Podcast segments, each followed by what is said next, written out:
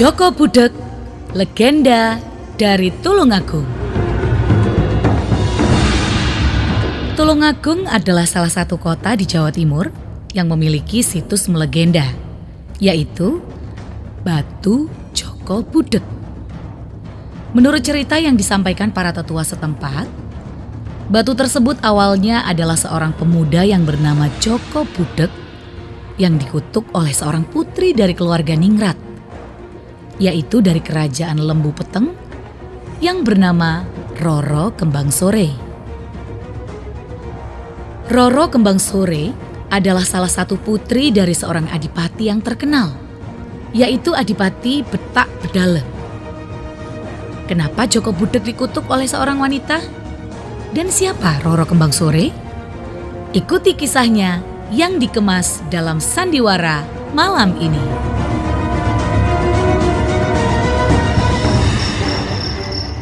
Kata orang yang namanya Roro Kembang Sore itu cantik. Mendengar namanya saja aku sudah kepincut. Apalagi melihat orangnya ya. Kenapa aku sering memikirkannya? Padahal aku sendiri belum tahu siapa dia. Dan kenapa mata ini juga sulit kupejamkan. Bayangan kecantikannya saja membuatku mabuk kebayang. ah, tapi aku ingin membuktikannya. Kata orang-orang rumahnya jauh dari sini. Hmm, aku ingin sekali melihat orangnya dan kenalan. Siapa tahu bisa. Kalau sudah yakin akan kulaksanakan. Hmm. Besok pagi aku akan berangkat.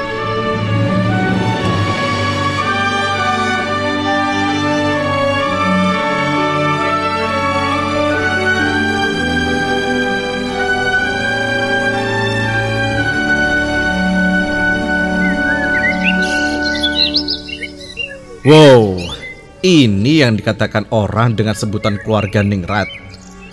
Jauh banget dengan keadaanku. Hmm, apa iya mau denganku? Kalau aku sih sangat mau. Habis hidup di rumah gedek, sekarang di rumah gedong magrong-magrong. Siapa yang gak mau? Ngarep bener.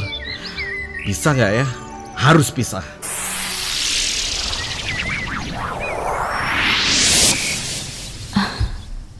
Dari tadi ku perhatikan pemuda itu berdiri menghadap rumah ini.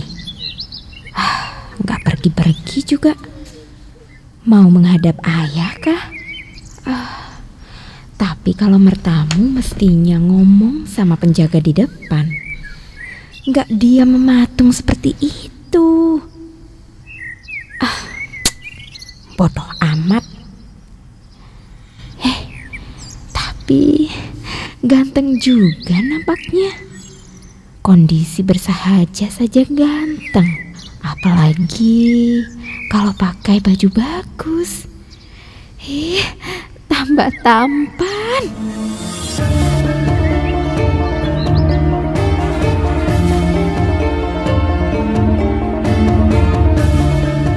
Begitulah Joko Budek benar-benar jatuh hati kepada Roro Kembang Sore. Joko Budek sangat mendambakan Putri Ningrat tersebut menjadi pendamping hidupnya. Namun, sang putri yang tahu bahwa Joko Budek adalah keturunan orang biasa dan miskin, sedangkan dia adalah putri dari adipati terkenal, Roro Kembang Suri berpikir bahwa Joko Budek bukanlah pasangan yang cocok untuknya.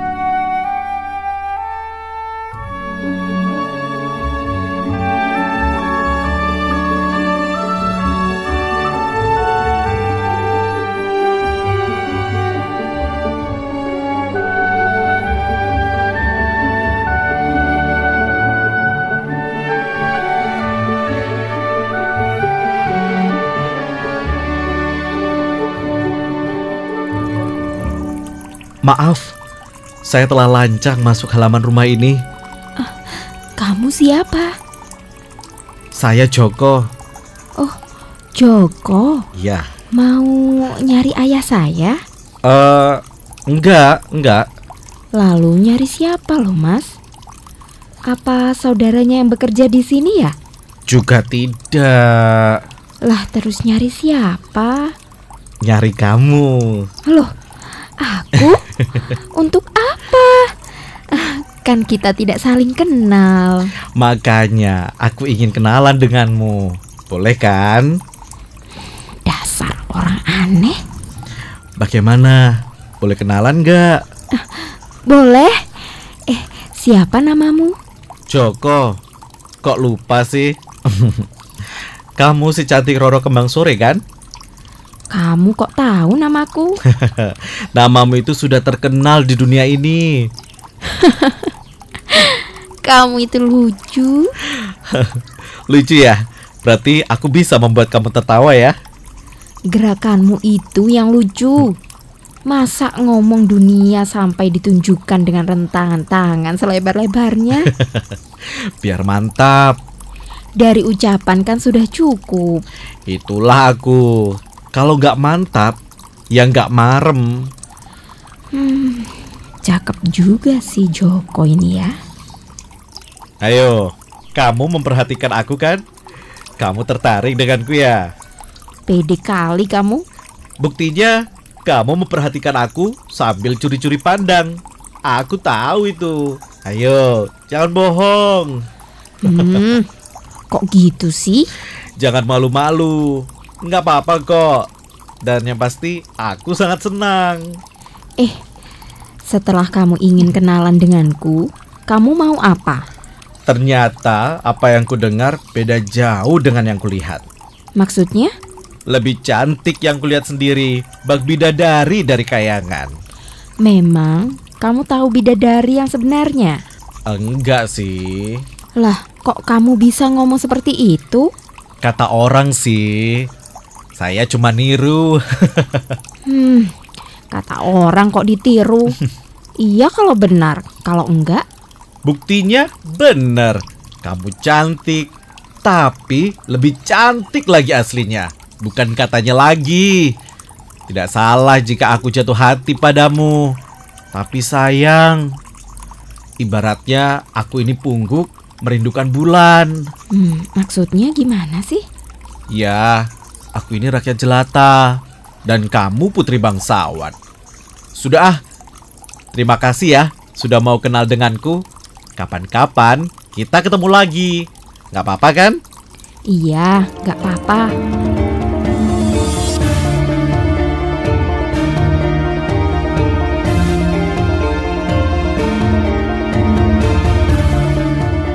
Begitulah Joko Budek benar-benar jatuh hati kepada Roro Kembang Sore.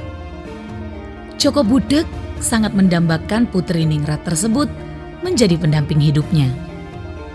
Namun, sang putri yang tahu bahwa Joko Budek adalah keturunan orang biasa dan miskin, sedangkan dia adalah putri dari adipati terkenal, Roro Kembang Sore berpikir bahwa Joko Budek bukanlah pasangan yang cocok untuknya.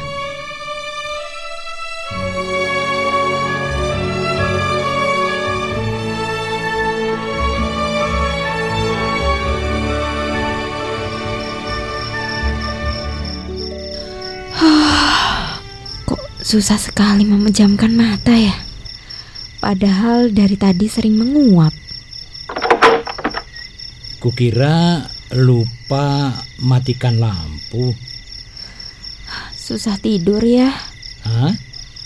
Ada yang dipikir? Enggak. Masa? Biasanya orang itu kalau susah tidur mesti ada beban pikiran. Apalagi ayah pernah muda. Ingat saja ya itu. Ya ingatlah, kan melewati fase muda itu, nggak ujuk-ujuk tua, punya anak gadis cantik sepertimu. Sudah adakah kumbang yang mendekatinya? Jangan ya. Nanti bentol-bentol semua. Bisa saja kamu. Pesan ayah, hati-hati ya. Pilih yang terbaik untuk hidupmu dan keluargamu. Jangan terpincut rupa ganteng saja. Harus sederajat ya ya. Ya, kalau itu relatif. Tanyakan pada nuranimu. Terima kasih ya ya. Sudah ah, ayah mau tidur. Jangan lupa matikan lampu ya. Dan jangan terlalu malam tidurnya. Biar besok pagi bisa bangun pagi seperti biasanya. Anak gadis itu harus bangun pagi untuk melaksanakan kewajiban sebagai wanita. Siap, Ayah.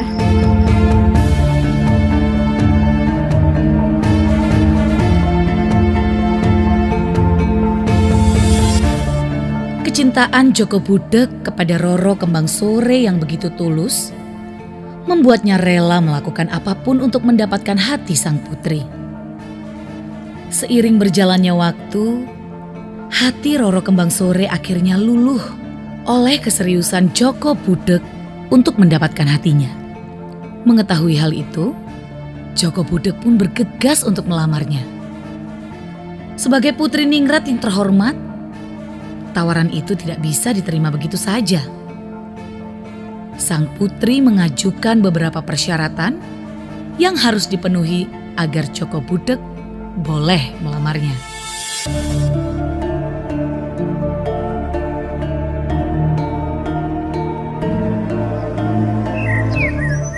Hei, kita ketemu lagi. Kamu lagi mikirin aku ya? Eh, seperti nggak ngerti sopan santun saja. Masuk rumah orang tiba-tiba tanpa permisi. Aku kaget tahu. Aku sakti kan? Kamu kalau ketahuan ayahku bisa kena marah loh. Alah, calon mantu yang baik gak akan dimarahi. Apalagi Tuan Raja, memang orang yang sabar dan baik hati.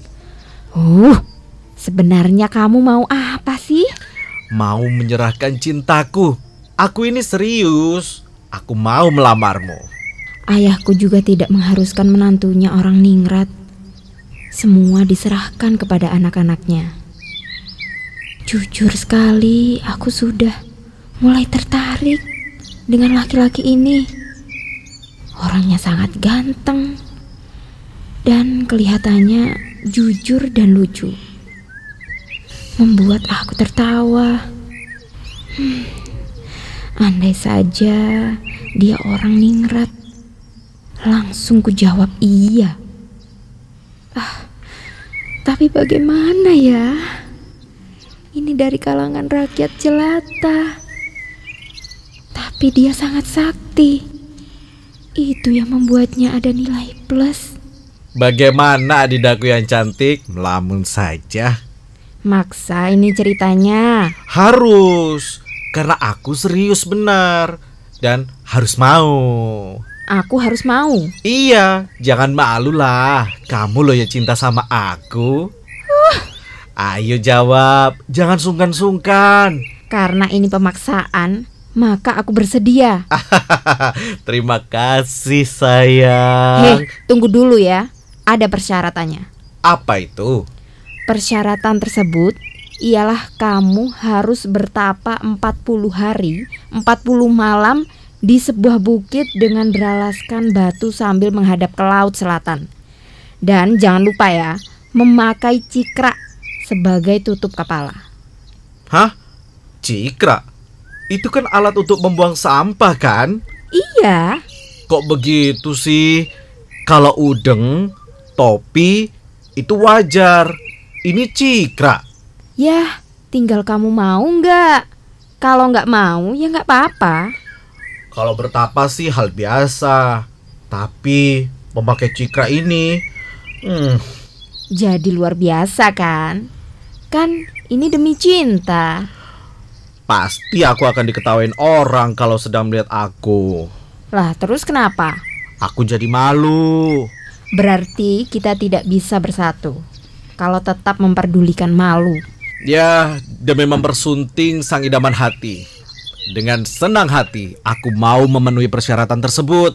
Ye, sip sip sip. Kok kamu senang? Berarti kamu mau berkorban untuk mendapatkan cintaku. Ya jelas dong. Kamu jangan bohong ya. Ya enggak lah. Aku bukan tipe wanita yang ingkar janji.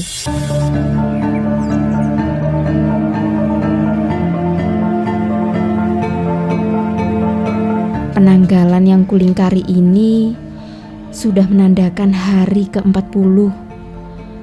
Berarti kemarin kan? Setelah hari yang ke-40 terpenuhi.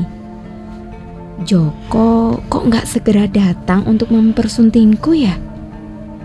Ah, aku sudah menunggunya hingga satu hari satu malam. Namun tak kunjung datang. Rupanya dia yang ingkar janji. Tapi aku nggak boleh berprasangka buruk begitu saja. Siapa tahu dia ada keperluan lain. Atau sedang dalam perjalanan ke sini ya. Tapi untuk lebih jelasnya, aku akan menemui dia di tempat pertapaan.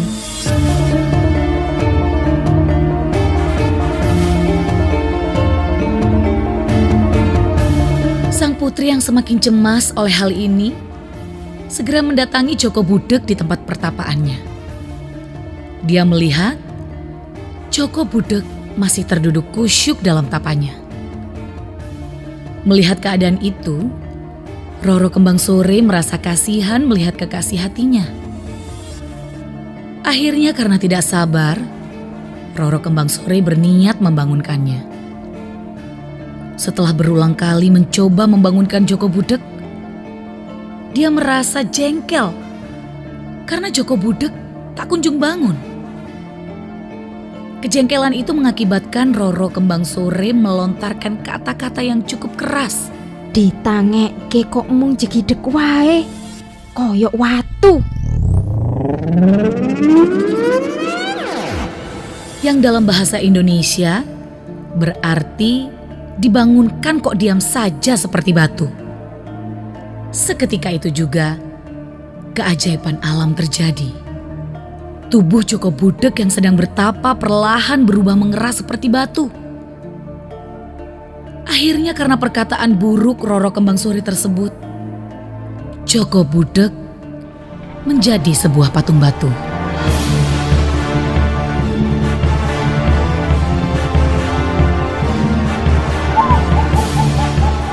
Penyesalan memang munculnya belakangan. Dan itu kualami kini. Kenapa aku harus egois? Gampang menyampaikan kata-kata yang tidak semestinya. Tidak bisa menjaga mulut. Padahal mulutku ini ibarat bisa. Anakku, kuperhatikan akhir-akhir ini kamu sering ngurung. Ada apa? Gak ada apa-apa ayah. Biasa saja. Jujurlah pada ayah. Gak mungkin aku terbuka pada ayah. Karena aku gak mau mengecewakan hati keluarga hanya karena urusan lelaki. Meski aku harus jujur pada diriku sendiri bahwa ada rasa bersalahku pada Mas Joko. Kamu masih memikirkan Joko ya? Sedikit ya.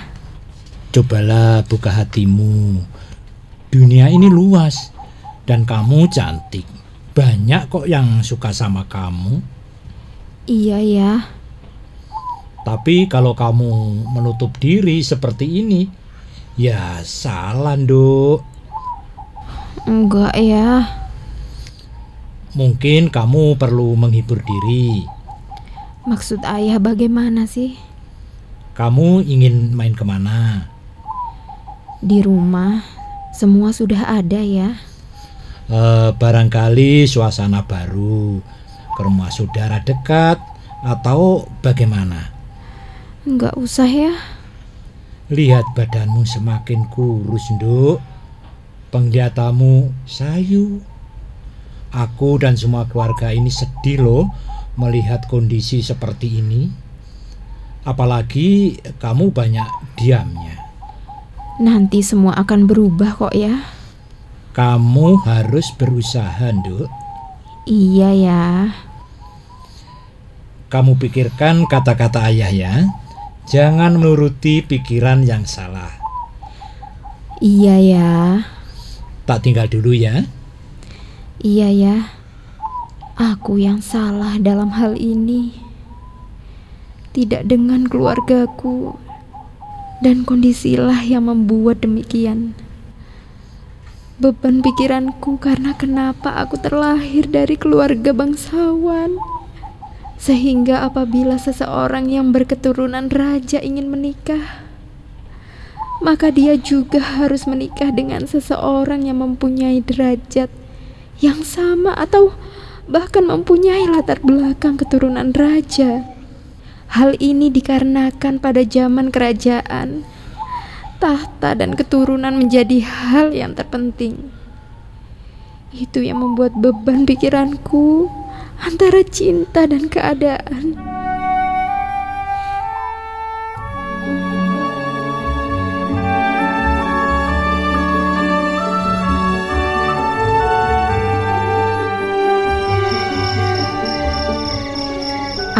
Kelihatan capek.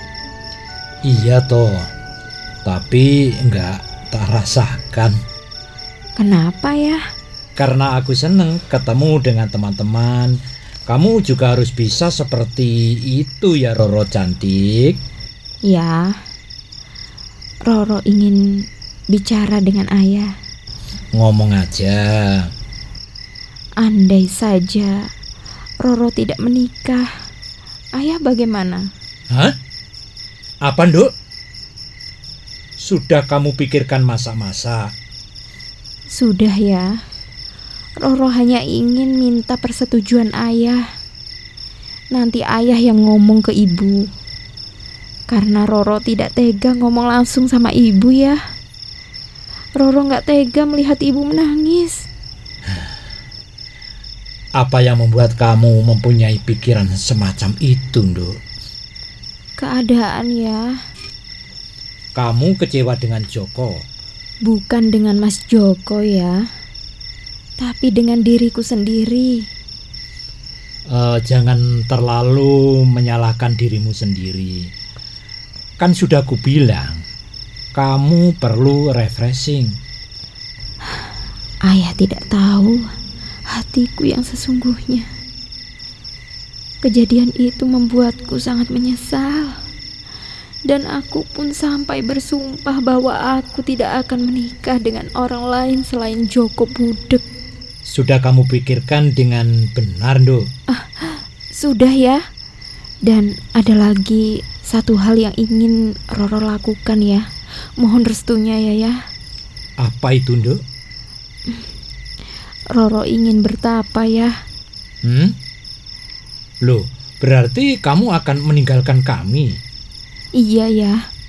Mohon doanya ya ya. Mohon beri pengertian ibu ya ya. Iya, iya, iya, Nduk.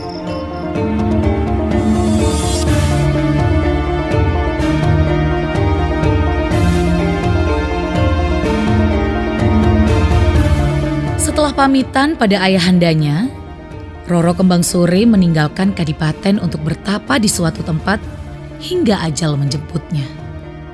Dia dimakamkan di pemakaman Gunung Bolo yang terletak di Kecamatan Kauman, Kabupaten Tulungagung. Dan bukit tempat Joko Budek bertapa dinamakan Gunung Budek. Sampai saat ini, batu Joko Budek tersebut masih berdiri kokoh di sana dan menjadi legenda di kota Tulungagung.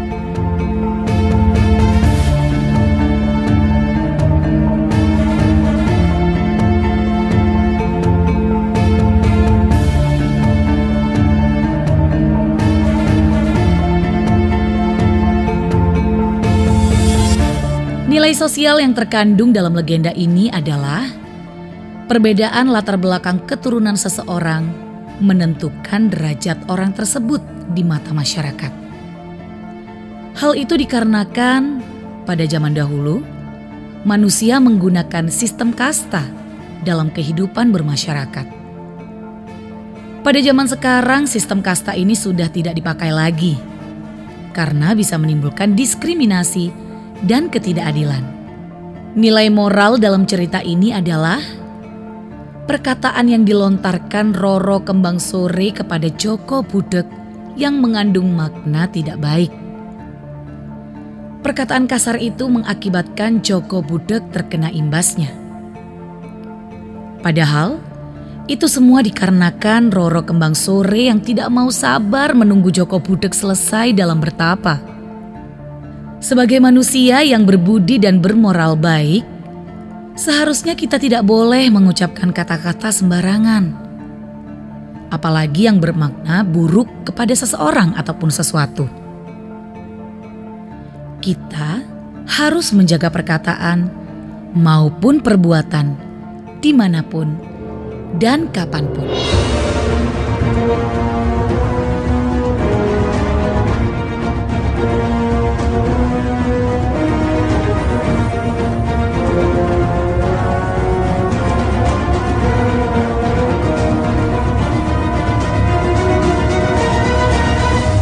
Demikian tadi sandiwara dengan judul Joko Budek, Legenda dari Tulungagung. Karya Siti Alimah. Sampai bertemu kembali dalam kisah yang lain.